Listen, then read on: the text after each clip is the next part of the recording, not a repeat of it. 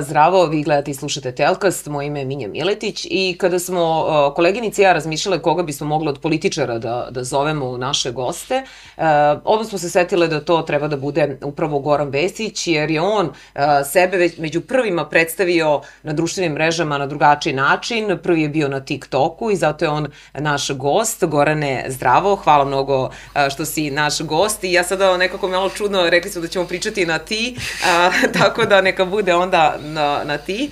I uh, da, eto, uh, razmišljali smo da li da budeš ti, pa smo mislili možda da si Niša Mali, ali ipak smo se odlučili e, za tebe.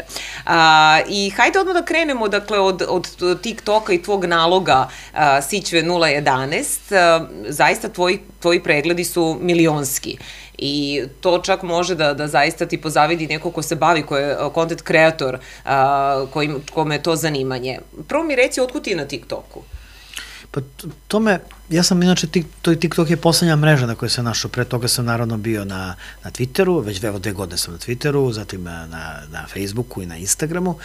I u tom trenutku kada sam odlučio da, da dođem na TikTok na predlog uh, mojih saradnika iz, uh, odnosno jedna od moje, sarad, moje saradnice iz mog tima, a tada sam, tada smo, tada je TikTok bio onako najbrže rastuća mreža. I tada je bilo velikih dilema, stvarno ih sa ljudima s kojima sam ja razgovarao o tome, da li ići na TikTok, jer se smatralo da je TikTok suštinski uh, najmanje najmlađoj publici, a to nisu ljudi koji glasaju i onda je bilo pitanje da li će neko reći a šta ti kao političar radiš tu i tako dalje i da li će to možda se zove zloupotreba, međutim odlučili smo da krenemo na TikTok iz nekoliko razloga. Prvo to nije tačno da je da je u pitanju samo najmlađa publika na TikToku, tačno je da su svi mlađi ili većina mlađih na TikToku, ali nisu jedini. Inače vremenom ta, e, ta starosna granica raste i sada ona već preko 25 godina, kad gledate prosek. Drugo, e, to su ljudi koji će na kraju biti glasači, ali tako, za nekoliko godina i sa koji, koje interesuje, koje interesuje a, društvo. I ono što je meni bilo posebno važno, to je što mlade generacije imaju svoj jezik, svoje interesovanja, koja se ne poklapaju sa interesovanjima, da, tako da kažem, nas starih. Tako da je bilo dobro pokušati da im se obratim na njihovom jeziku, u formi koju oni razumeju i da probam da ih zainteresujem za politiku i neke društvene teme. Mm -hmm. I moram da kažem da sam i ja bio iznenađen koliko je to uspelo, možda zato što sam bio prvi političar ili jedan od prvih, pa je to njima bilo zanimljivo, ali u svakom slučaju kad vi pogledate moje TikTokove, naravno to ima i šaljivih TikTokova, ali ima onih videa koji suštinski govore o onom poslu kojim se ja bavim. I oni takođe imaju veliki broj pregleda, što znači da ako nađete formu i ako nađete jezik, možete, možete da komunicirate sa svakim, sa svakim segmentom društva i to je bila ideja zašto, zašto sam došao na TikTok, ali moram da priznam, ni sam nisam očekivao takav i sam sam bio začuđen kad je, kad je moj prvi video prešao milion pregleda, jer nisam verovao da je to moguće. Da. Tako da, tako da Ko je smislio naziv uh, Sićve 011? E, do toga je došlo slučajno. Prvo bilo je zauzeto Goran, Vesis, to je sve bilo zauzeto i onda smo, onda smo sedeli i rekli, čekaj, ajmo probamo Sićve. A tako da je tako ispalo Sićve 011, a Sićve je takođe bio zauzet, pa smo na kraju dodali 011. Tako da smo došli, ispalo je super. Ja sam tada bio u Beogradu, pa nam je odgovaralo to da vežemo 011 sa Sićve, a na kraju krajeva i sad živimo u Beogradu, tako da nema razloga da se to menja, tako da suštinski je tako došlo Sićve 011 i to je bilo slučajno, moram da kažem slučajno, jer svi misle da iza toga stoje ne znam, ne znam kakve marketičke strategije. A, a, to je bilo slučajno, ali je meni Sićve pomoglo da rebrendiram sebe kao političara. Jer A u kom sića... smislu? Šta si hteo da postigneš? Rekao si da rebrendiraš sebe. Zašto da, si da, to hteo da... Da ljudi osete da sam jedan od njih. Aha, da, okay. da, znači da osete da, da, da sam neko ko živi sličan život kao oni, ko ima slične probleme, kome mogu da se obrate, a, ko, ko može da, ko, ko, kome mogu da, kome mogu da, ko će da pokuša da reši neki njihov problem. Mm -hmm. a, to, je, to je bila ideja, jer vi kad kažete za nekog, nekog nazovete nekog sićve, to je da kažem, ne možete da budete negativni, to je onako poluprijateljski, to je kolokvijalno. Mm -hmm. Tako da je, tako da, da je Sićve u stvari bio početak tog rebrandiranja koji se pokazao veoma uspešnim, tako da se tako to poklopilo. A ko smišlja uh, scenarije za, za video? To imaš svoj PR tim, pa vi sednete pa zajedno razgovarate o tome, ili ko je kreator? Pa ja imam, ti, ja imam tim svojih saradnika i neki put oni predlože nešto, neki put ja, u svakom slučaju, a, tako zajednički, zajednički smišljam jednu osobu koja se bavi samo TikTokom a, i onda na taj način, na taj način dolazimo do ideje. Znači, važno je na TikToku je važno uklopiti se u trendove koji postoje, a opet ako Ali ste, teško je ako se uklopiti bavite, se u trendove. Dakle, Tako ima neki tvojih kolega koji nisu uspešni u, u tome. Možda ćemo o tome da pričamo nešto, nešto kasnije, pogotovo, evo, sigurno sam da, da si pratio ovu izbornu kampanju poslednju, gde su i zaista mnogi političari se uključili pre svega na, na mreži TikTok. Neki su to uspešno radili, neki, boga mi, i ne. Zato što morate da budete neposredni. Zato što a, oni koji nisu uspešni, oni su mislili da treba da iskoriste tu mrežu, odnosno da mrežu prelagode sebi. Vi morate sebe da prilagodite mreži. Znate, ja imam različite objave. Ja imam Facebook, imam Instagram, imam a, Twitter, odnosno sad to X, i, a, i imam TikTok. Ne obraćate se na isti način, istim jezikom na svakoj mreži. Facebook je najkonzervativniji. Tu Da, sam- kažu da su to boomeri, to su zapravo je, to i- generacije naših roditelja. Tako je, i tu se obraćate na konzervativni način. Na Instagramu radite drugačije, zato to... su milenijalci, to sam ja. Tako, jeste, to je srednja generacija, a onda, znači, na TikToku drugačije. Jednostavno, svakoj mreži, vi, vi morate da se prilagodite mreži, a ne da očekujete da se mreža prilagodi vama. Tako da je važno da bude, znači TikTok traži neposrednost, traži spontanost i traži kreativnost. I zato je, ali opet sve to možete da imate, ali ako vi nis- niste u stanju da to iznesete, to je kao sa ulogom. Ne može svako da glumi Hamleta ili svako da igra bilo koju ulogu. Jednostavno, sve to možete da imate, ali jednostavno morate da, da, da znate da iznesete tu ulogu. To, da. Tako da to zavisi, ali kažem, neposrednost je najvažnija i to ljudi očekuju na TikToku. Je li bilo nekih uloga koje nisi mogao da izneseš? Naprimjer, da su ti zadali nešto, da si ti rekao, ne, ne, ja ovo ne mogu. Ne, nije bilo, ali bilo je različitih predloga koje smo odbijali. Znači, zato što e, ne, ja sam ipak javna ličnost, ne mogu baš da se uklopim u svaki trend. Dobro. I mogu da se uklopim u one trendove koje, za koje smatram da su primereni onome što ja radim. Tako da je bilo tu različitih stvari, imate razne challenge na TikToku i razne stvari, tako da sam uglavnom to što smatram da ipak ne ide uz ono što ja radim, sam odbijao. Ali sam imao, ali bilo je i hrabrih. Neki primjer, šta si Ali, odbio? pa bilo je nekih tamo challenge nemam pojma, sa nekim polivanjem, nemam pojma, kakve stvari, dobro. mislim, to mi ne To pada ne. na pamet da radim. Ali, recimo, sam bio hrabar za, za recimo, određene stvari koje, smo, koje, koje sam radio, recimo, recimo, tada sam, bio sam u onoj baletskoj školi, što je bilo vrlo zanimljivo. To je čak završilo i nekim humorističkim emisijama. Mada i tada kada završite u humorističkoj emisiji, ti koji to rade, ne, ne, nekad ne razumeju da u stvari rade u vašu korist, jer jednostavno vas promovišu. Uh, I bolje da vas promovišu tako, jer to je nekome simpatično, nekome nije, ali ne može niko sad nešto da bude ljud zbog toga. Tako da je, tako da je bilo različito. Ali koliko se javni nastup uh, političara promenio uh, pod uticajem društvenih mreža, pod uh, uticajem digitala? Zato što je vrlo se promenio, zato što prvo, prvo sama pojava društvenih mreža je je, nas, nas tera da razumete da se sada ži, da recimo da, da ljudi žive ne sad potpuno svi, na društvenim mrežama. Recimo, po, po, po nekim istraživanjima, 31% svetske populacije aktivno koristi društvene mreže. To je preko 2 milijarde i 300 miliona ljudi. A kad biste uzeli razvijene zemlje, taj broj je prelazi preko 50%. To znači, ako se bavite javnim poslom, nema veze da li ste političar, ili se bavite socijalnim radom, ili se bavite prodajom nekih proizvoda, morate da razumete da se deo života odvija na društvenim mrežama. To znači da sa, sa biračima, ja sam pričao sa, sa, sa, kao političar, ali to znači za neko drugi ko prodaje robu, morate da komunicirate između osloge preko društvenih mreža. Neka su između dva svetska rata političari išli na pijace i vašare. Zašto? Pa ljudi se skupljali na vašarima. Danas se ljudi nalaze na društvenim mrežama. I Zato... Ali koliki je realno uticaj, dakle, baš, baš te pitam eto za, za, za tvoj posao, domen politike, e, zato što su i tu različita mišljenja. E, neko kaže, ne možeš da napraviš kampanju na društvenim mrežima, da smo mi videli, na primer, e, Trump koji je svoju kampanju kada je pobedio e, na predsjedničkim izborima, on je tad krenuo na TikToku i objavljivao i svoje stavove i proglasio je, kod njega je krenuo onaj fake news i sve ostalo.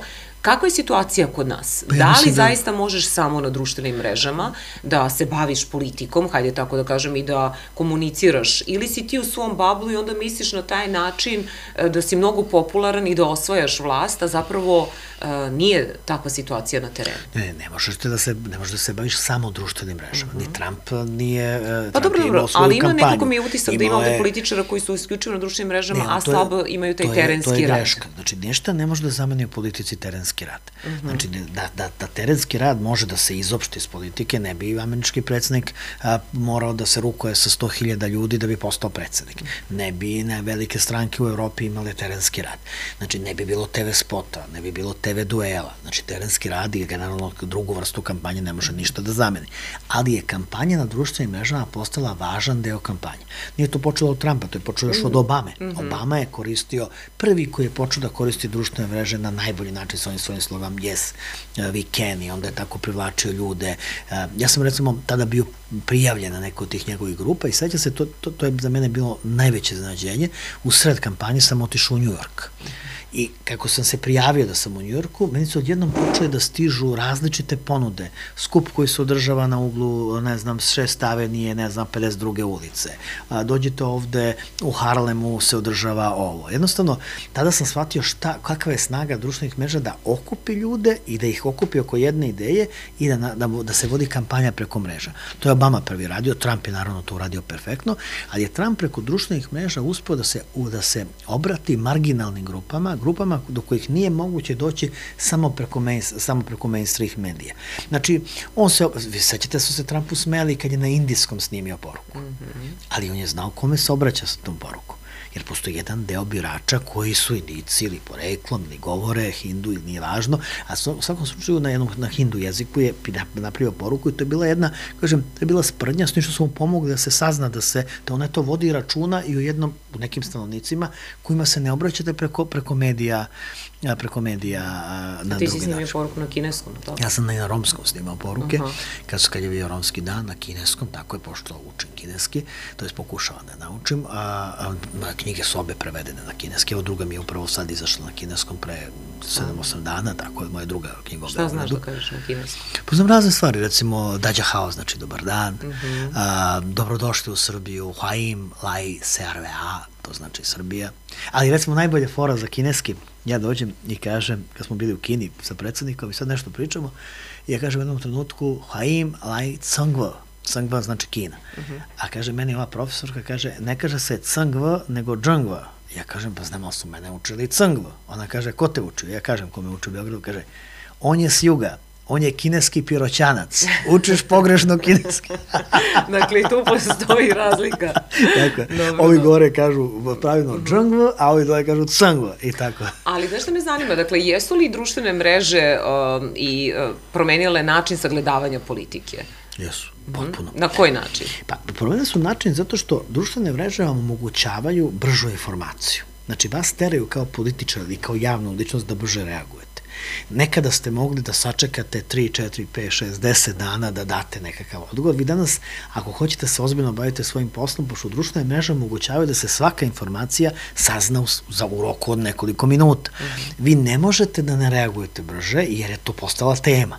Znači, društvene mreže su brže omogućile da sve postane brže tema. Naravno, sad tu imate problem sa fake newsom i tako dalje, što je deo toga, ali s druge strane, nateralo su političare da brže reaguju, jer vi morate da odgovorite govorite na teme. Druga stvar koje su, što su društvene mreže dovele, one su u stvari a, pojačale društvenu konfrontaciju. Jer generalno društvene mreže su konfrontacije. Ja objavim svoju sliku, vi objavite svoju sliku. A ja objavim i onda se neko takmiči u, da, u, u slikama. ti samo i to? Ne, ne, mislim okay. vi, generalno. Okay. Znači svako objavi, svako objavi sliku. Ili ne znam, imamo različite stavove o nekim temama.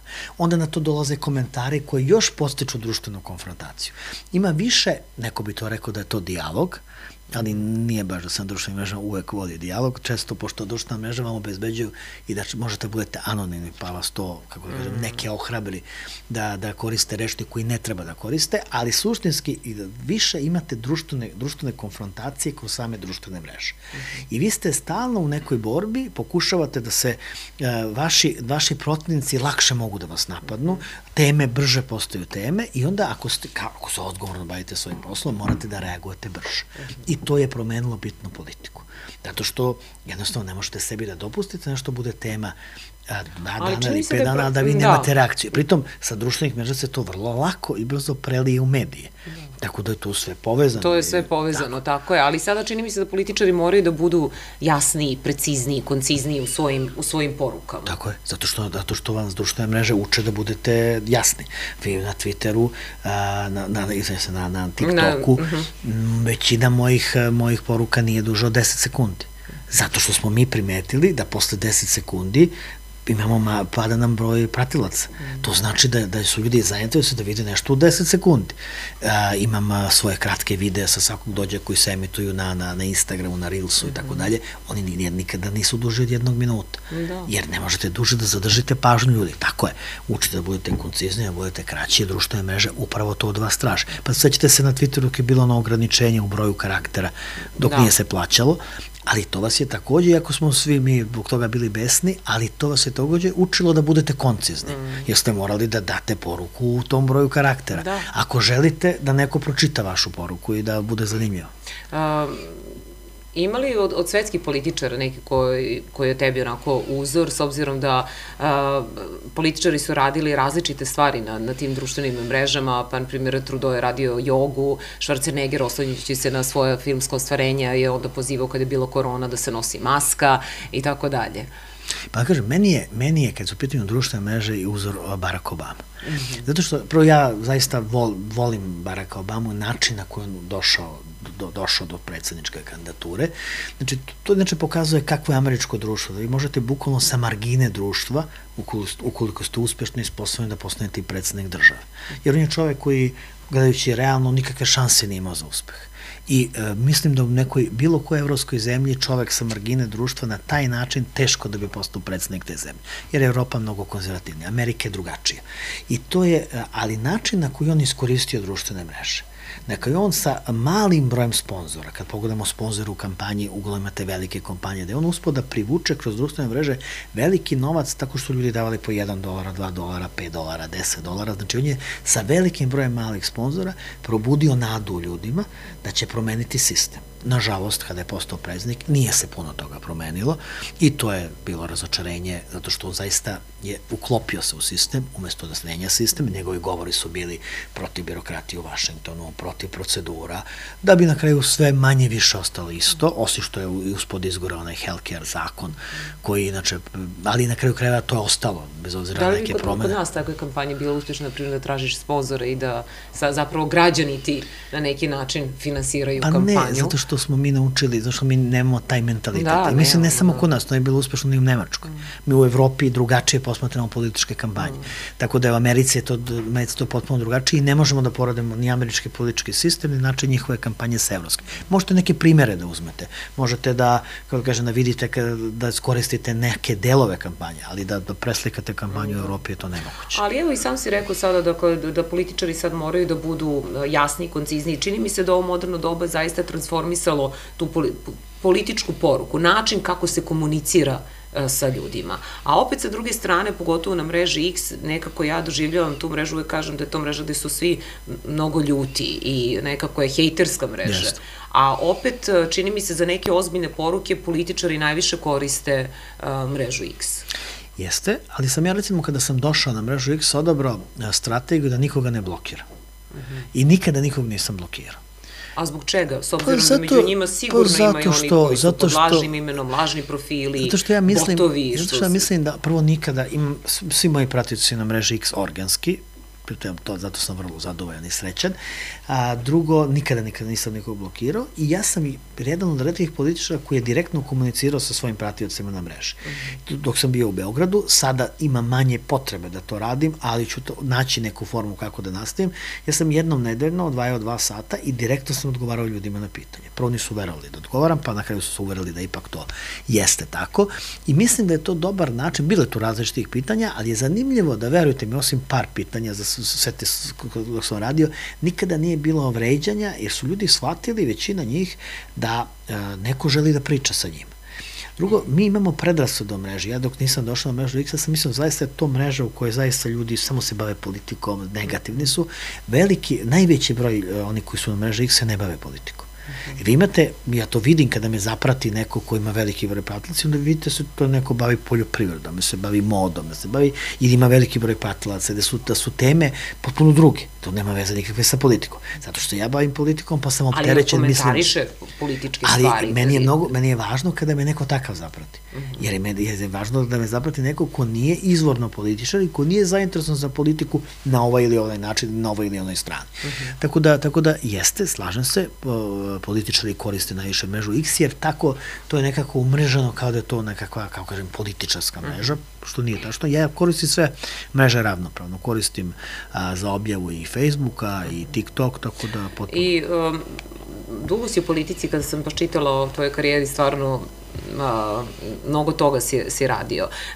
I sećamo se sada i 90. kad su bili oni studentski protesti i zanimljiv komentar mladih ljudi na, na, i na mrežama i sada kad su bili ovi protesti, kada su studenti isto protestovali i Srđan Milivojević je, koji je takođe neko ko se bavi, ko je dugo u politici, prišao je njime rekao je kao, deco moje, mi kada smo 96. protestovali, bili smo na ulicama, a onda su oni njemu odgovorili, pa da, mi smo rođeni 96.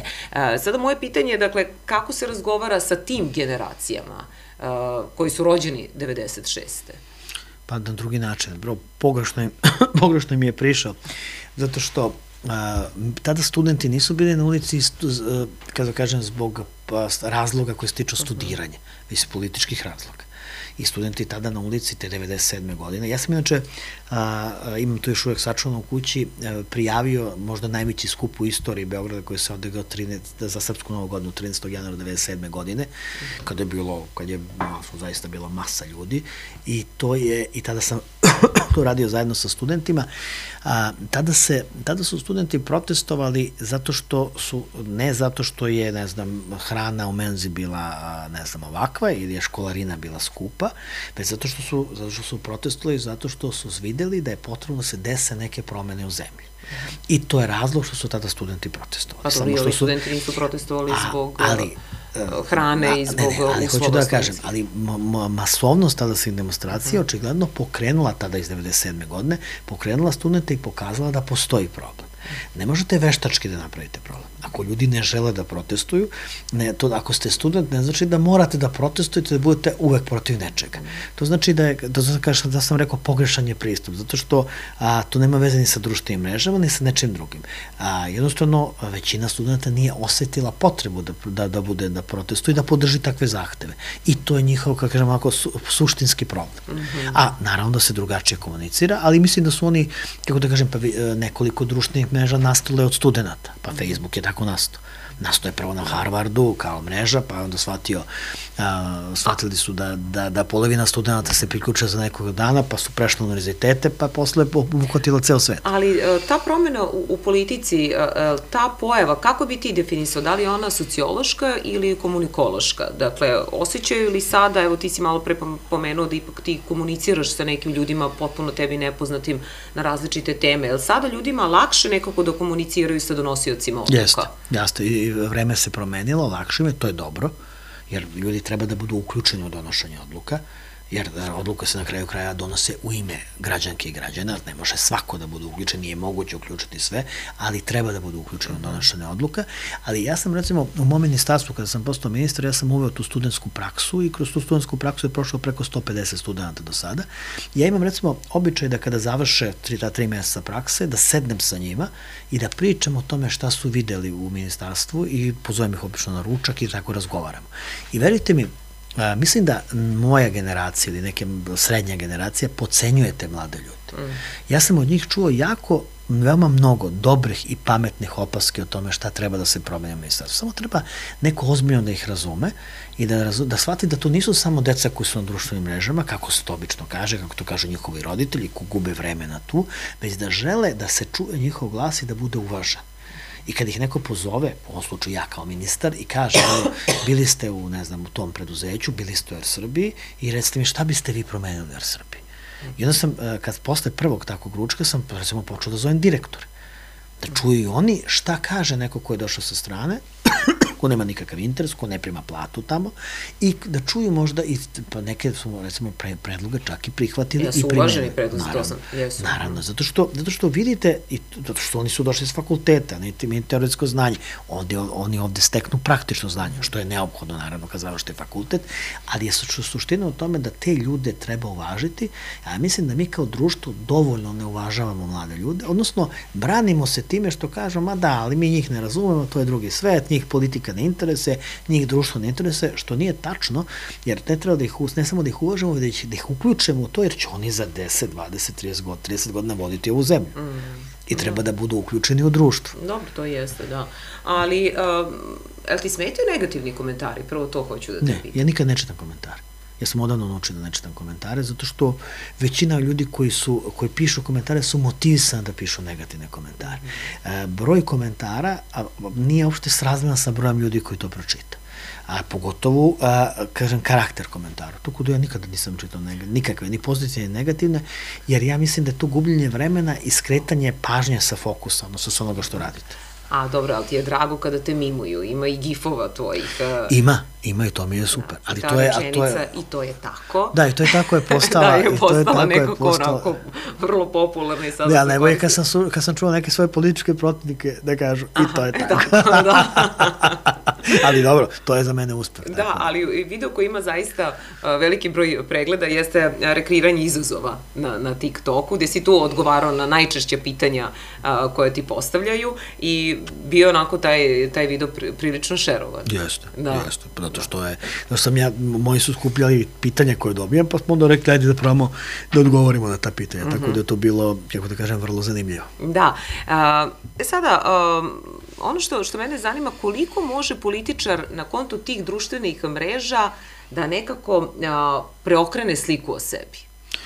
Može. Da postane ja sam, ljudima ja sam najbolji, simpatičan. Ja sam najbolji primer za to mislim da nema boljeg primjera, bar nema za sad u Srbiji, možda će biti, da možete da promenite način na koji vas ljudi vide, da postanete bliski ljudima i da ljudi razumeju. Ja sam inače kada u tom načinu kada, kada je to krenulo uradio dve stvari koje su bile važne. Prva stvar su društvena mreža, druga je bila ta pokretna kancelarija, koja je opet komunikacije sa ljudima, ali i sa ljudima koji nisu na društvenim mrežama ili koji žele da vas vide. Ali ta pokretna kancelarija koju sam pokrenuo bila važna i ona postala poruku ljudima da, da želite da dođete u svako naselje, u svako selo i da želite da pričate sa njima. Jer nema veze, to selo možda ima 2000 stanovnika, možda dođe 100 ili 150 ljudi, ali svi pričaju o tome. Jer u svakom mestu vi možda rešite jedan problem, dva ili tri problema. Negde neki šaht nije popravljen, negde nije napravljena ograda. Čekaj, si to radio kad je bila kampanja, ne, ili zaista radio, rešeni su neki problemi? Mnoge ili... probleme sam rešio. Mm -hmm. Recimo, meni su se smejali, pravili su toga u humanističkim emisijama, zato što sam se rekao da smo poslali staklo, uh, staklo, ogledalo, na Glakat Krivini, to je jedno selo Senaja kod Mladenovca, mm -hmm E, I kao to Vesić se hvali što je postavio gledalo. Da, ali tu, tu su bila tri, tri saobraćaje nesreće u prethodnih godinu dana i jedna osoba je poginula. Znači, tim ogled... a, tu, a to su ljudi tamo rekli da je jedan od većih problema i što je problem onda postaviti ogledalo. Ali da nisam otišao u to mesto, ja ne bih znao da postoji problem. Jer naša uprava, ne samo naša, svaka administracija ne može da zna svaku potrebu ljudi. Naravno da postoje problemi koji ne mogu da se reše za dan i koji su veliki, ali ima malih problema koji mogu da se reše sa malo dobre volje ili s jednim telefonskim razgovorom. I zato je meni bilo važno da, da, da komuniciram i da, da, da jednostavno dolazim tamo gde ljudi žive. To radim i sad kao ministar. Odem u neko selo, sednem ispred prodavnice i pričam s ljudima. I onda čujemo neke stvari, zovemo predsednika opštine, nešto se uradi. Ljudi, ljudi tako razumeju da ste vi tu uh, zbog njih, a ne da sam ja tu zbog njih, a ne da sam tu zato što, zato što ja to nema nikakav dode s njima. Naravno da ne možete da rešite svaki problem. A dobro, na što si najponosniji kada je Beograd u pitanju? Da si uradio? Ja sam najponosniji uh, kad na, na, na samu Sava promenadu i na slanjanje pruge i spuštanje Beograda na reku. Ja mislim da je to istorijska stvar za Beograd. Oko toga se, se pravio, kako kažem, velika priča. Nažalost, svaki projekat koji se radi se... To nije prebačeno na Republiku, nije to... I to je rade, rađeno tada u Beogradu. Znači, sama, samo izmeštanje pruga, mislim, to je zajednički posao koji se radi u Beogradu okay, i da. Republika. Da. Ponosan sam naravno u okviru toga što iza toga izašao projekat linijskog parka, koji smo počeli da radimo. Ne, duše, Nije zadnje dve godine se ništa nešto ne radi, ali ja se nadam da ćemo sada nastaviti da radimo linijski park, jer vrhunac i završetak tog projekta treba da bude linijski park. Da tu bivšu prugu pretvorite u jedan od najlepših parkova koji će imati Beograd. Dobro, to se na to se dugo čeka, to je sve onako u teoriji super. Pa jeste, ali za Beograd je veoma važno da je Beograd uspeo da siđe na svoj obal. Uh -huh. Jer Beograd je, inače, 30. godina, kada je pravljena pruga oko Kalavih dana, bila je, vodila je velika rasprava tada u tadašnjim novinama oko toga da li treba da bude pruga, da odvaja re, reku od grada i bilo je mnogo arhitekata koji su bili protiv toga ali je na kraju Beogradska opština donala odluku da uradi prugu. Hvala Bogu, trebalo da se uradi pet koloseka, urađen je jedan, pa nije bar ni urađeno pet, ali to je onda tako ostalo, Boga mi evo skoro čita vek, znači skoro čita mm. vek, a, ostalo je tako i to je bio jedan od najvećih problema u Beogradu. Iako je Beograd u svim svojim urbanističkim planovima 80. godina planirao sklanjanje pruge, izlazak na obale, to je bilo potpuno prirodno i normalno. Mm. Tako da sam ponosan na to, a, ponosan sam na Savski trg, zato što mislim da je Savski trg pokazuje kako može za jedan dobar, modern evropski trg, samo sete na šta je ličio tamo. Tu je predsednik Vučić predložio da se podigne spomenik Stefanu Nemanju koji je dao kako nam, dodatnu vrednost samom tom trgu. A, mi smo inače za, za projekat Savskog trga doveli jedan od najboljih španskih projektnih biroja uradio, to što se malo zna u Beogradu. Recimo projekat Ušća, parka, radio je Angel, jedan od naj, najboljih arhitekata u Evropi kad su u pitanju javni prostori. Šta je sa ovim kockama na trgu Republike, moram to da te pitam. Sad pa, kažem, se, pa, to se tiče... Pa, to je bila velika tema. Pa mislim. jeste tema, ali bez ikakvog razloga. Zato što, zato što prvo trg Republike, prvo trg Republike je urađen na osnovu projekta koji je dobio na konkursu. Drugo, znate, u samom, u, svakom projektu postoje odgovornost. Imate odgovornost izvođača, imate nadzora, imate onoga ko je investitor i znači svako od njih je odgovoran za svoj deo posla. Znači, ja ne mogu da budem odgovoran za ono šta radi izvođač. Samo što mogli ste da primetite da niko od onih koji su napadali mene za to nije smeo da pomene ime izvođača. Zato što je izvođač austrijska kompanija. Jer ne daj Bože da se pomene da austrijska kompanija nije uradila posao dobro. Mm -hmm. Tada kada su morali da zamene kocke, oni su to morali da urade o svom trošku. Da, I to, to znamo, sam, da. O tome. Tako Pazi, da. meni veliki izazov da pričam sa političarima, da ga ne pitam ovaj, neke političke stvari i njegov resor, ali to dobro, ovo je sada čisto onako razgovor. Ali hajde da, da, da se vratimo i, i kada pričamo, eto, pa i o svemu tome, pa i o tim temama, i obično ljudi sada slikaju pa kače na, na društvene mreže, ne znam, u mojoj ulici se desilo ovo ili nije popravljeno ovo i tako dalje dalje. Sad, koliko se je promenio taj način informisanja, koliko društvene mreže mogu da utiču na formiranje političkih stavova. Evo, i u, u skladu sa tim, dakle, skoro je bio ovaj intervju veliki sa Putinom, gde je Tucker Carlson radio taj intervju, koji nije našao o, uopšte prijem da može, na primjer, taj intervju da se pusti u tradicionalnim medijima, ali jeste na YouTube-u gde ima preko 18 miliona pregleda. Ovaj, je li to budućnost? Pa može da bude budućnost. Ako, ja sam taj intervju gledao Um, ako mene pitate, a to mogu vam kažem kao mhm. -huh. neko ko je bio novinar i urednik, po svemu životu bio i glumac, i novinar, i urednik, i, Jel, i tako, sve to sve dobro. Živo.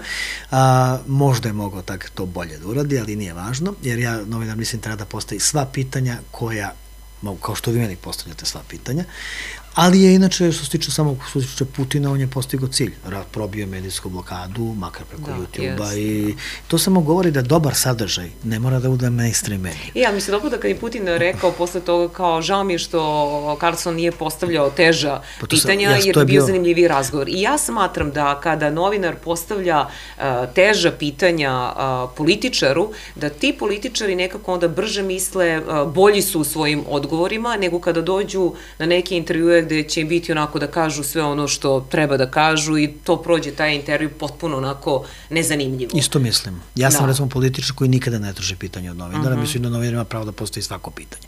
Ono na čemu insistiram to je da mi se omogući da odgovorim na pitanje, Naravno, a ne da me da. neko prekida posle jedne rečenice, jer na kraju kraja posao novinara nije, on nije sagovornik, da. novinar je taj koji postavlja pitanje. Ali niko, ali svako, ali novinar ima pravo da postoji svako pitanje.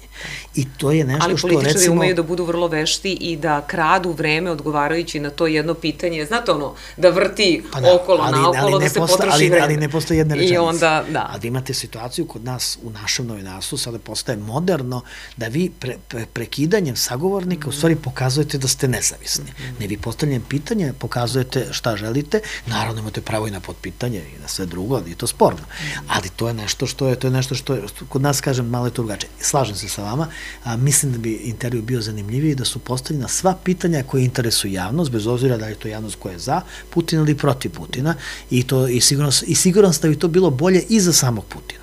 jer onaj monolog na početku od koliko, 10-15 da. minuta, koji jeste zanimljiv. Mm. Mislim, meni je bio zanimljiv, a, zato što me, ja volim istoriju. Mm. Recimo, tu sam saznao jednu stvar koju nisam znao pre toga, to je da Poljska učestvovala u napadu na Čegoslovačku. Kasnije sam saznao za tih 400 a, kvadratnih metara a, mm -hmm. koje se, oko kojih se inače oni tuku, da je bio rat 919. i 920. Da između, da između Čekoslovačke i Poljske vođen rat od 45. do 48. oko te teritorije, pa je to Stalin preseko. Recimo o tome nisam znao ništa. No. Da. Ali, za, ali za takvu vrstu intervjua je bio predug. Pa to, da, da, to jeste, ali vidi se, vidi se to tačno, ovaj, i pa i kod nas kada su intervjui, tako je to, kako vi ka, namešteni kada nisu, ali, ali dobro.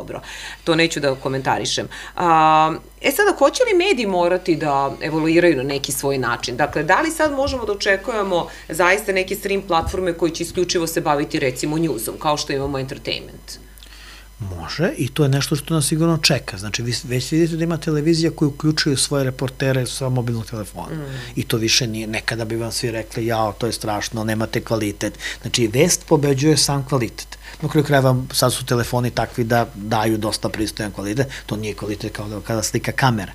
Vi imate čitave i to će se u buduće dešavati, jer vam je važno da imate vest u svakom trenutku prvi i da jednostavno na taj način imate svoje, svoje, svoje gledalce. Mm. Tako da će i mediji morati da se prilagode, to je sasvim sigurno i to je nešto što nas čeka. Ali, s druge strane, a, izgubit će se razlika između ovih medija koji imaju takozvanu nacionalnu preferenciju i kablovskih medija. Vi ako, svi, ako su svi na kablu, a u budućnosti se biti svi na kablu, vi nemate više nikakvu, nikakvu prednost sa nacionalnom frekvencijom osim mesta a, na, ja, na daljinskom upravljaču. Jer mislim da sada se više vodi rat između kablovskih operatera sada. Pa, to više, mislim, to sad više nije poenta, jer sad kad bi svi sve imali, onda se zaista to gubi. Slažem se. Onda to nije važno više ko ima nacionalnu, ko nema Slažem se i mislim da dolazimo u vreme kad nacionalna frekvencija više neće biti prednost, osim kažem samog mesta na daljinskom upravljaču. Da zamislim, A opet ako za dobar... kablovski operator kaže da li ja neću te kanale da uzim. Pa dobro, to, je, to se reguliše zakonom, znači mm. obaveza da li uzimate ili ne, to je sad, kako kažem, to je neka vrsta, sad, to, sad je to i biznis. Ali činjenica da, da postoji sve više kablovskih kanala, i to ne samo news kanala, imate, ima sad dosta i news da, kanala, ima, da. drugih, govori o tome da, da, da jednostavno ljudi sve više to gledaju. Pa recimo, ja sam jedan od najvećih fanova Balkan Tripa. E, ja volim Balkan e, Trip, to je, da, stvarno, i to, je, to recimo, ja to je kabelski yes. kanal koji sam otkrio i to je... Da, ima ova emisija Kulturista koji tako je mene odlična je, emisija i baš sam onako iznenađena. Uh mhm. -huh. Koji je kabelski kanal, yes. ali recimo ja volim taj kanal i veoma često ga gledam, odmara da. me, saznam mnoge stvari koje ne znam, nisam yes. saznao. Pa i u Srbiji isto saznam neke stvari da. koje ja stvarno nisam znala. Ali dobro, kako se inače informišeš? Šta, šta čitaš?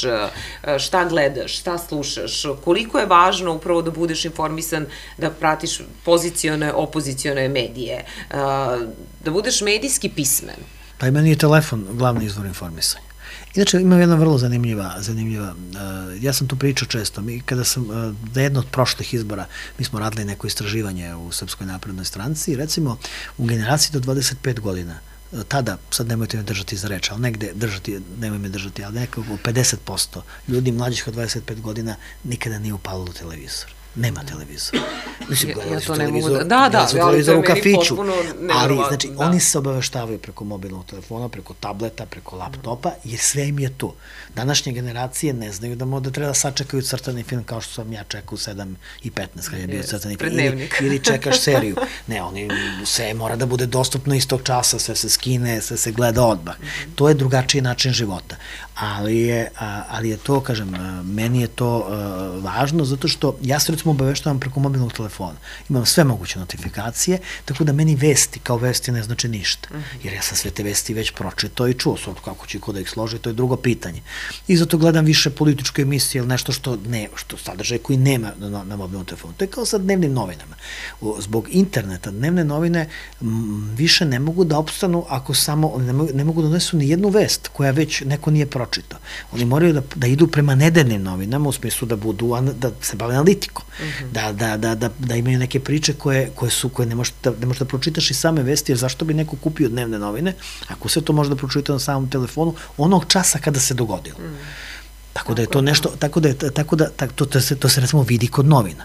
I zato ne se više u elektrons, ide u elektronski format, zato, vi, zato će u kojoj budućnosti više neće imati štampanih novina, što je normalno, zato sve novine imaju svoje platforme mm -hmm. i oni koji nemaju platforme ne mogu da prežive i to je potpuno, to je kako kažem... Ja potpuno... voliš da čitaš novinu ujutru, na primjer, nedeljom u ja Cvetiću? volim, ja čitam politiku, ja čitam politiku, ja sam, prvo pišem za politiku, Dobro. što je meni velika čast i to moram da kažem, ja sam odrastao u politiku, ja sam bio, a, ja kada sam, kad mi je izašla prva kolumna, ja sam išao kao nekada, ono, 90. godine, da kupim tu politiku, čekao sam, pojavila se oko pola deset, tamo na terazijama i nisam mogu da verujem da mi je izašao, da mi je izašla kolumna u politici. Meni je to, kako da kažem, politika je naša najstarija dnevna novina, najuticajnija, i za mene to zaista velika čast i ponos. A, volim da pričam, ali ima, recimo ja u policiji subotom čitam kulturni dodatak, koji ipak... Znači, nema voliš to- da sedneš, Tako ono, naručiš tako espresso i listaš. Tako, da. tako, tako i Dobro, to, i, to i ide. to je zaista volim. Nedeljom, uh, recimo, recimo, nedeljom je politika dugo objavila kolumne Mome Kapora, Jo. koje smo inače svi mi pročitali, ali sam je svake nedelje čitao kao da je nova, kao da je napisana samo za tu nedelju i, i to je bilo nešto zbog čega, to je bilo, recimo, to je meni značilo puno, a za mnoge ljude koji su zbog toga tada kupovali politiku, iako su to kolumne koje smo svi mi odavno čitali, jer smo svi čitali sve što je napisao Momo Kapor. Znači, kupuješ novine, nije samo da, Kupujem. da čitaš na, Kupujem, naravno. na telefonu. Ali šta fali srpskim medijima? Hajde, evo to da te pitam. Pa da vam kažem, srpskim medijima, ja mislim da nam treba više političkih emisija u kojima će se voditi rasprave. Ja volim takve emisije, mislim da treba više takvih emisija, mislim da to najviše fali i, a, i malo je novinara, malo je urodnika, ti si jedna od redkih, koji umeju da vode takve emisije, da usmeravaju sagovornike, nije lako, to imaš sagovornike koji su došli samo da se svađaju ili da ne slušaju nekog drugog, ili da, ka, da misle da je važno samo da kažu ono što oni žele, nije to naravno lako, ali malo je novinara koji mogu da vode emisiju, znači da znaju šta im je cilj, šta je početak, koje su teme, da, da gosti, da, po, da, da oni koji su ne odu od teme, na kraju se svaka emisija pretvara to da svako priča šta želi, što nije poenta Ali emisije. zašto je malo takvih emisija? Znači, to, to te pitam Zato što, zato što je najteže imati novinare za to. Zato što je, su te emisije najteže. Jel misliš da je stvarno tako? Zato što, evo, ja polazim od sebe. Uh, hvala ti na ovome što si rekao, ali ja stvarno nekako i to stalno ponavljam i već sam dosadila sama sebi da uh, prosto ljudi nekako, svi, svi hoće da gostuju onim emisijama gde će da pokažu i da kažu i da pričaju svojim stavima i da ih, da ih niko ne prekida i da nema suprotstavljenih mišljenja ili ovaj bira hoće da sedi sa ovim, ali neće sa ovim i tako dalje. Puno su nam usta kulture dijaloga, a kulture uh, jako malo i pa i na televiziji, nažalost. M, Ovaj, I kao što rekao, svi samo žele da, da eto, potvrde svoj stav a ne da razmene mišljenja, ne da uh, nekako pokušaju da ubede činjenicama tu drugu stranu. Mi nikada nismo bili društvo koje je negovalo kulturu dijaloga. To nikada u istoriji nismo bili, nažalost. Vi, ja sam recimo to često govorim svojim prijateljima, a, neki put, e, Narodna skupština ima fantastičnu biblioteku, da ima stenografske beleške svih sednica Narodne skupštine od sredine 19. veka. I recimo, svoje vremeno sam čitao stenografske beleške sa sednice Narodne skupštine kada je Srbija glasila za zakon da se zaduživala za izgradnju pruge. Uh -huh. To je isto, možete da uzmete taj, samo da malo arhaični uh -huh. jezik pretvorite u moderni, da promenite imena i da prebacite danas i da, da potpuno izgleda isto kao pre po što je zaista samo govori o tome koliko kao društvo niti rešavamo osnovne probleme, niti unapređujemo svoju kulturu dijaloga. Ja mislim da smo mi društvo koje zaista ima uh, vrlo nisku kulturu dijaloga i mislim da to loše za društvo. El tu je, I to, tu odgovornost vlasti, recimo? Jel treba da neguje, i, da obrazuje ne, ne samo, ne samo vlasti, već i opozicije. Jer opozicija takođe obrazuje stanovništvo, obrazuje one koji su njihovi. Ako vi dođete u Skupštinu i, evo sad da, da pričamo o policiji, ako vi dođete u Skupštinu i ne položite zakletvu, što je znači jedna, kako kažem, svečana, potpuno normalna stvar da položite zakletu svoje zemlje. Vas su neki birači koji su glasili za vas poslali u tu skupštinu da zastupate njihove stavove. I pravite cirkus od polaganja zakletve. Onda govori o tome da vi suštinski ne želite nikakav dijalog vi imate priliku da, da pokrenute razna pitanja u toj skupštini. Pa dobro, ali pa i sad kad je bila konstitucija skupština pa, grada. Beograda isto i, I, pa i, tu on, i pa oni pričam, nisu ušli. Ista, ista situacija. Znači, vi imate, imate, da jako, imate, i za druge. imate jako puno razloga i mogućnosti da kažete svoje stave, da pokrenete teme koje hoćete da pokrenete. Nema razloga to da radite na silu. No. I time vi šaljete poruku, na kraju kraja svojim biračima, da sve, svaki problem može da se reši na silu. To je kao kad pričate sa detetom i uvek vodite računa da detetu ne, ne, ne, ne, dete ne naučite da se, da se problemi rešavaju nasiljem, već da nasilje nije rešenje.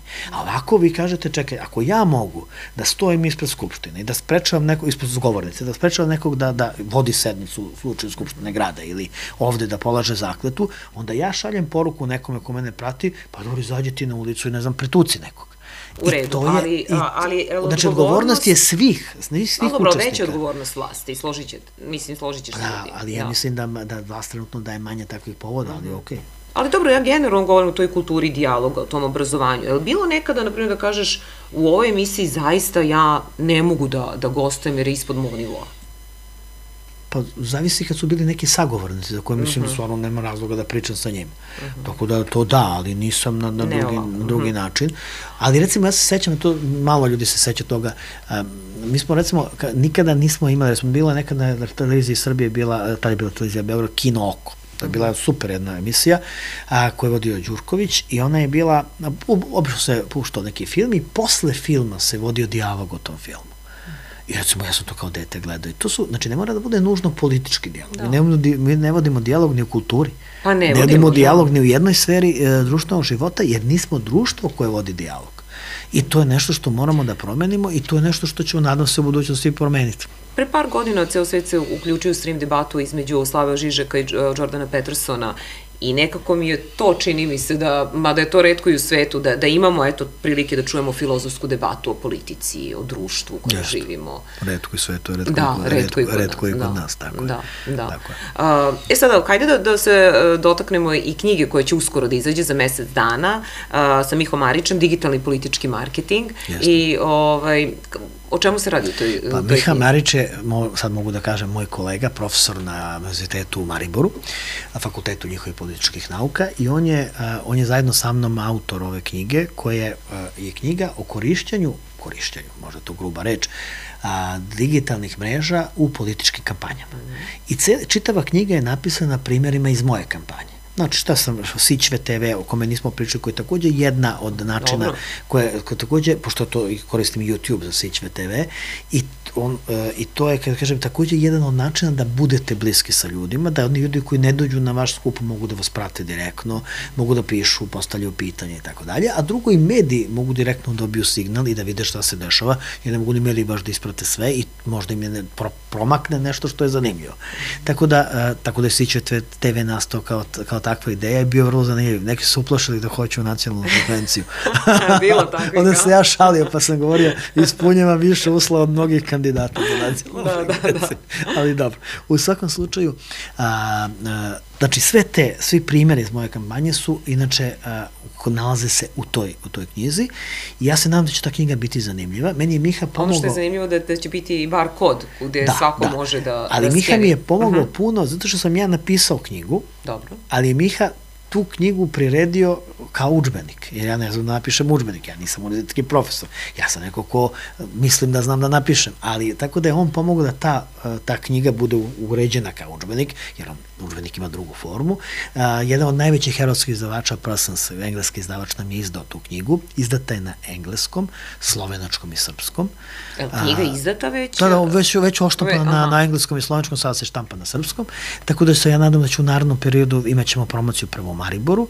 Inače, to je u grad gde sam ja živao kao dete. Yeah. A, tako da u Mariboru ću imati, imaću promociju, a onda će biti promocija u Beogradu i eto, to će meni omogućiti da predajem kao gostujući predavač na nekim od tih fakulteta, što inače moja bila uvek želja i ja se nadam da će to biti korisno. A ovo što ste rekli, u knjizi se nalaze bar kodovi, tako da kada čitate neki primjer, vi samo usmerite svojim telefonom, otvorite bar kod i vidite odmah primjer, odnosno vidite ono o čemu se piše. Mm -hmm. Tako da je po tome knjiga malo drugačija nego, što, nego sve koje su sad kod nas objavljene.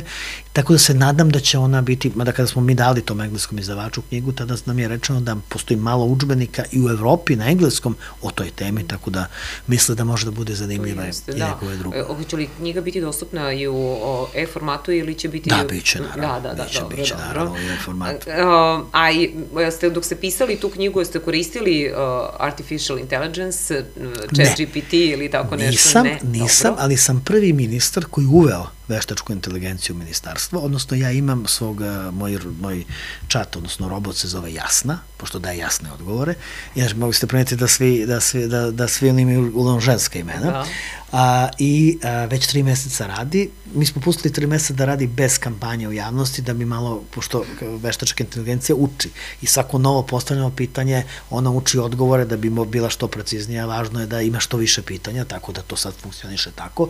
U narodnom periodu ćemo napraviti promociju, a, promociju toga i prvo sa ministarstvo... Promociju jasne. Tako je, ali ono što mi je takođe važno, da i o tome se radim puno sa ljudima koji rade u ministarstvu, da njih naučim da koriste veštačku inteligenciju. Jer imate mnogo pitanja koje se tiču procedura. I tu je veštačka inteligencija besprekorna. Mi sad postavljamo pitanje da li oni mogu, da li može da izlači zaključke, da li su zaključki tačni, da li da može da ima osjećanje i tako dalje. Ali kad su u pitanju procedure, znači ono što se nauči kroz uh, mašinsko učenje, to je nešto o čemu je besprekorno. Tipa, kako, kako, kako da dobijem građevinsku dozvolu? To su procedure, podneste zahtev, član taj zakon i tako dalje. Kako da dobijem dozvolu za čamac? Kako, znači, imate hiljade pitanja koje su čista. Dakle, ljudi koji se, na primjer, e, odu na sajt ministarstva mogu da se... Tako je, ali sada vi kad postavite pitanje ministarstva, ti kad kažeš, e kako mogu da dobijem građansku dozvolu, neki službenik tamo ti kuca odgovor i kaže, umesto toga, ti službenici koriste veštačku inteligenciju i dobiju spakovan odgovor koji oni samo prekontrolišu. Tako da to ubrzava i naš posao. E sad je mnogo teže naučiti naše službenike i radimo na tome i mislim da će da će da da da koriste samo veštačku inteligenciju za svoj posao jer to njima omogućava da budu brži, da da, da lakše radi, da budu da budu da budu efikasni. I onda sve to lepo uh, spakuješ, urediš i na kraju dobiješ novo ministarstvo. Otko znaš, možda nećeš ostati u to se nikad, to se pa nikad pa zato kažem, da. To se nikad ne zna. Mi sad dok snimamo, sada traju ovih dana konsultacije. To se nikad ne zna, dakle, to, to je život. Ja ovaj posao volim da radim. Tako mm -hmm. Dobro. Ja bih volao neku drugu ministarstvo? Ja nisam neka političar opšte prakse. Ja znam tačno šta, šta znam da radim. U svakom slučaju, du, suviše dugo sam u politici, tako da nisam neko ko sad može da, da bude bilo šta. I niti, Aha. niti to. Znači ima nešto što bi rekao ja ovo ne ja, umem pa da ja radim, mislim, Pa ja mislim da, da, da, da je pošteno reći da nešto ne možete da radite. Ja mislim da je to mislim sasvim da to, fair, nego nekako mi utisak da svi sve neko, mogu, da meni... ima onih ljudi koji kaže možda da, da voziš avion, neko bi rekao je pa mogu, nije to tako teško, gledao sam u filmovima ja da to, to... Ne, ja to ne mogu da, da razumem, meni je to, mislim, nikad, ja ne znam, jednostavno postoje stvari koje ne možete da radite. I ako ne možete da radite pošteni, da kažete ne možete da ih radite, jer da. sve. A, zaboravili smo i da kažemo da a, zapravo bit ćeš i predavač na, na fakultetu a, političkih nauka u Mariboru. Mariboru i bit, ću na, i preda, bit će promocija na FONU, fakultetu organizacijnih nauka, nauka uh -huh. u mhm. Beogradu, bit će promocija još u Rimu, a, bit će, na nekim, bit će promocija u Podgorici, tako da, u Banja Luci, tako da sve to... Jel očekuješ neke komentare? Neko će reći, dakle... evo ga, ode iz politike da, profesora. Da, pa evo sad sam to telo. Ali da. dobro, ne da kažem, ja sam, ja već imam 55 godina i suviše dugo sam u policiji ulici u jednom trenutku jednostavno nećete više, ne, ne možeš da budeš na funkciji, jednostavno. Nemojmo, pa pa evo to... Biden, Trump, oni svi imaju koliko godina, pa i dalje da se bore kao da imaju da su, 55. Da su živi i zdravi. Obojica. pa to, da. Ali očekuješ neke, ajde kažem, negativne komentare kada bude to da, da ćeš biti predavač, recimo, pa i na fakultetu organizacijonih nauka? Pa ne, zašto bi, ja sam tu, ja predajemo ono što je tema i tu mm -hmm. sam da oni koji žele da dođu da čuju to predavanje doći će. Ja sam inače već imao neke predanja, sam osvojeno sam na fakultetu političkih nauka predavanja, mm -hmm. dva. Tako da je, tako da... I kakve su reakcije bile od strane bile su, bile su super reakcije, a, tako, ček mi je, moram da, vam kaže, da ti kažem, jednom je prišao u Skupštini jedan opozicijni poslanik i rekao, je bio sam, mlad čovjek, uh -huh. u ovoj prošloj sazivu, bio sam na tvom predavanju na Fakultetu političkih nauka, bilo je fantastično. Pa, dobro je to. tako, da, tako da ja mislim da ja volim da ja volim interakciju sa ljudima. Jednostavno volim tu, tu vrstu dijaloga i volim da pričam, volim da slušam. A, mislim da ljudi e, da, da, da pametni političari, odnosno pametni, bilo ko da se bavi jadnim poslom, a, a, da je najvažnije u životu naučiti da slušate druge ljude. To inače nije lako, a, e, zato što svako od nas misli da zna sve, ali važno slušati druge ljude, jer uvek možete od nekog drugog da naučite nešto. Mene je recimo Zoran Đinđić naučio, ja to uvek govorim govorim dve pametne stvari, dočujem mnogo toga, ali te dve. Prva stvar koju mi je rekao, rekao mi je, ako si prvi u nekom poslu, imaš 80% šansi da uspeš. što je tačno. Tako je recimo bilo sa TikTokom. Tako se dogodilo. Drugo što mi je rekao, rekao mi je, ako su promene u tvojoj organizaciji, manje, imaš manje promena od promena u okruženju, organizacija je osuđena na propast. Što znači moraš da se menjaš, moraš da učiš, jer u suprotnom nećeš preživeti. I to su, i to su, to su kažem, jako, jako važne stvari. I korisni savjet. I poslednja stvar koju me naučio, a to je, znači, kada ideš na duel, moraš da se pripremiš. Ja, mene, ja, ja uvek, uvek se iznevriram kada vidim kada neko dođe na duel sa mnom bez jednog papira. To znači da si prvo pocenio onoga s kim si došao na duel, drugo misliš da sve znaš, ne možeš nikad sve da znaš, mora, baš ćeš neki valjda podatak morati da zapišeš, ali tako, kao što mi ja sam zapisao neke ne, stvari. Ne, drago mi što si došao ovde ali, za, ali za svesno, što znači da, da mene nisi ovaj, znači, pocenio. I to da. je, i znači, ako se tako ponašaš, onda ćeš izgubiti taj duel. Da, da. Jer svako može da te pobedi jednostavno moraš da budeš spreman za duel, ne, ne znači da ćeš sve, apsolutno sve moći da predviriš, šta će se dogoditi, duel je živa stvar, ali to je tako. Tako da se trudim, i to, a to znači da treba da učiš dok si živ i da slušaš druge ljude. Jednom, ima jedna stvar koja mi isto vrlo zanimljiva. Jednom sam ja, sam bio šef njegovog kabineta, jednom sam se žalio na neku osobu koju je nešto radio. I onda sam rekao, taj ne zna ništa, ne znam pojme. Onda mi je rekao, vidi, ja ti kažem nešto. Ne postoji osoba na svetu koja nema neku vrednost. Neko ima više, neko manje. Samo od tebe, kakav si lider, zavisi da li ćeš svaku od tih osoba staviti na svoje mesto i uklopiti ih u jedan sistem. Pra tome, ako se neko nije uklopio sistem, ne žali se na njega, već na sebe. I šta je bilo s tom osobom? Jesi pa, promenio pristup? Pa ne, zato što onda... onda počnete da tražite pozitivne stvari. Da. da vidite šta možete da uradite, to je tako. Daj lakše reći, e, ovaj ne zna ništa. Mm. Mislim, ali nema razloga da se, da se tako radi. Mm. Tako da, tako da eto, na neki put čujete, neke, naučite, ne, sačuvate neke pametne stvari. I evo pred kraj, je li ti je neostvaren san da, da budeš gradonačelnik Beograda? Ne, zato što ja mislim da a, i svaki kažem, da biste postali u politici neke, neku funkciju, mora se, da morate imate splet različitih političkih okolnosti. Neki ljudi su zasluživali mnogo više, ja sam da budu u različitim e, vremenima, možda i premijeri i gradonošci, pa nisu uspeli. To je naprosto ne zavisi sve od vas. U, u životu ne zavisi sve od vas, ne zavisi u vašem poslu sve od vas. Vi možda budete najbolji, a da vas neko ne vidi ili da vam neko ne daje emisiju i tako dalje. I na kraju krajeva To je, to je tako.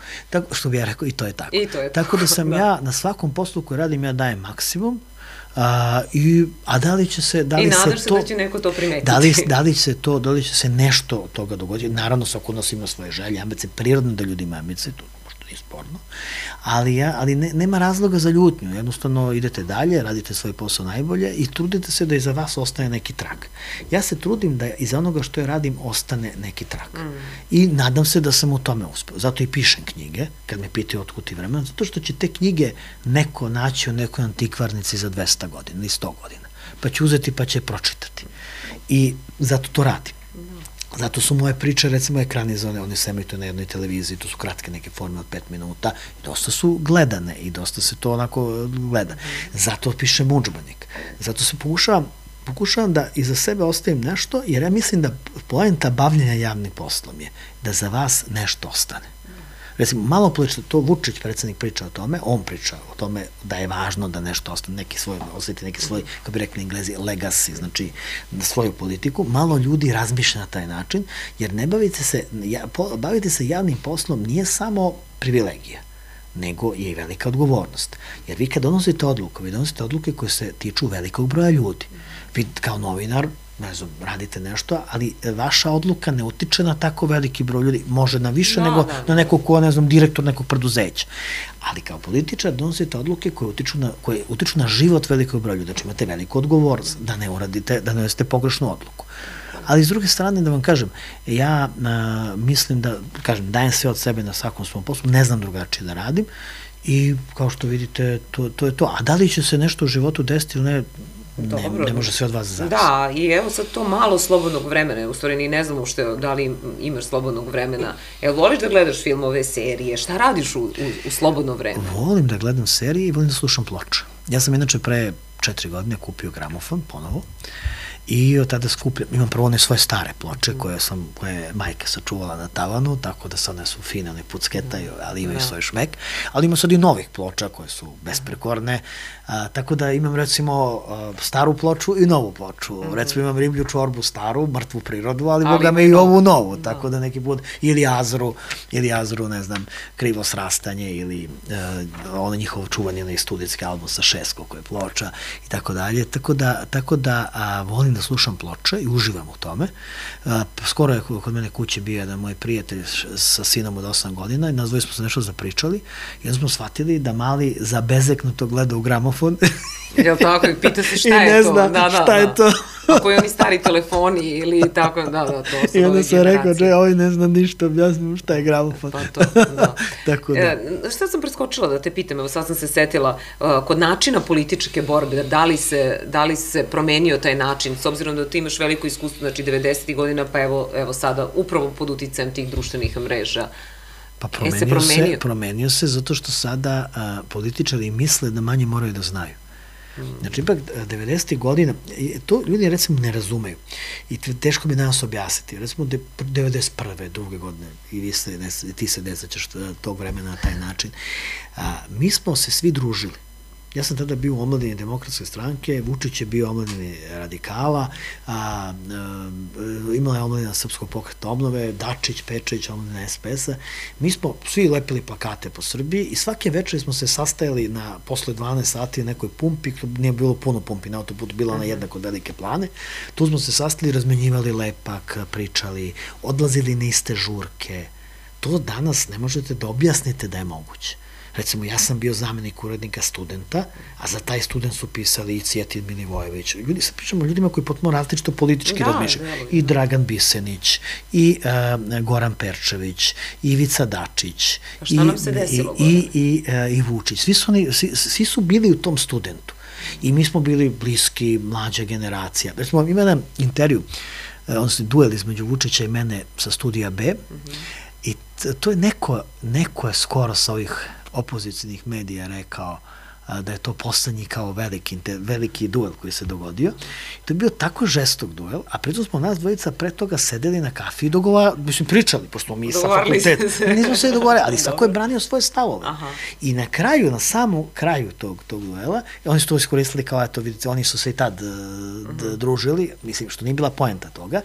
Na kraju je nam je taj voditelj, bio muškarac, nek više se ne sjećam ko je vodio, rekao, pa dobro, mi smo sad čuli vaše stavove, ali vi ste veliki prijatelji, vi ste kao zajedno studirali. Ja kažem, naravno, mi ćemo posle ovog otići zajedno u Irish pub na kafu. Mhm. Kao što smo i otišli, i sedeli i pričali, posle došli voditelj. Jel tako, pa dobro, ali Tako da- zašto to danas? Ja ne nije- znam, nije ja- meni to nije jasno. Mislim i među kolegama i Ali- novinarima, ali isto društvene- nekad smo se svi družili, nije važno koje, koje redakcije. Društvene mreže čine ljude surovije. I to je nešto što je što je možda negativno kao osim fake Da. newsa, što jednostavno uh, kako kažem, a, pa, uh, ono što sam pričao, to je društvene konfrontacije. Oni pojačavaju tu društvenu konfrontaciju koja ranije nije bila takva. Ranije ste imali ugovaranje u kafani. Da, pa dobro. To A sada imate, sad imate ugovaranja na, na, društvenim društvenim mrežama. mrežama, I da. špo, kad, se, kad pročitate o sebi, još doverete šta se može pročitati. To je, ali okej. Pa, A tako. dobro, pa dobro, Ljudi su- ima oni koji će da, da izmišljaju i da pričaju sve i svašta. Tako od da- bivših prijatelja, od bivših ljubavi, od, znate ono. Ali da kažem, tako A, da, je, dobro. tako da i to je, to je negativna, negativna posledica društvenih mreža, što su društvene konfrontacije pojačane i što sada ljudi i političari i svi ljudi misle da treba da budu suroviji i da nekako prate taj trend društvenih mreža koji suštinski najviše uh, diktiraju oni koji su anonimni. Dobro, imam brzu rundu pitanja, znači samo kratke odgovore. iPhone ili Android? iPhone, PC ili MacBook? Macbook, Twitter ili Facebook? Twitter, TikTok ili Instagram, Instagram Reels? TikTok, Talk ili LinkedIn? LinkedIn. Zašto LinkedIn? Pa zato što je poslovno. Dobro. Glasovne poruke ili SMS? Glasovne poruke sve više koristim zato što mi je lakše nego da put, dobro. Whatsapp ili Viber? A, Whatsapp, A, meme ili GIF? mem, A, prvi mail, Gmail ili Yahoo? Yahoo, Kupovina uživo ili preko aplikacija? uživo. Dobro, push Mada je sve više kupuju preko Dobro, aplikacije. Pa to, da. Push notifikacije su on ili off? On. On, on. Dobro. Mora da budu on. Da, telefon na vibraciji ili uključeno zvono? Pa mora da bude najmanje na vibraciji s obzirom ko sve može da vas zove. Ako se ne, onda je to dobro. Onda to postaje... Problem. Dobro, Zoom sastanci ili uživo sastanci? Ja više volim uživo sastanke, dosta mi je Zoom sastanaka ko, za vreme korone. Jeste, da, to je stvarno, hvala Bogu, pa se Ali ima sada koristi se, da. tako je, ima i Zoom, sve više se koristiti, ali video. Gorane, hvala mnogo hvala. na, na ovom gostovanju i eto, nadam se da će biti gledocima i slušalcima zanimljivo. Hvala vam. Hvala i vama. Naš gost bio je Goran Vesić.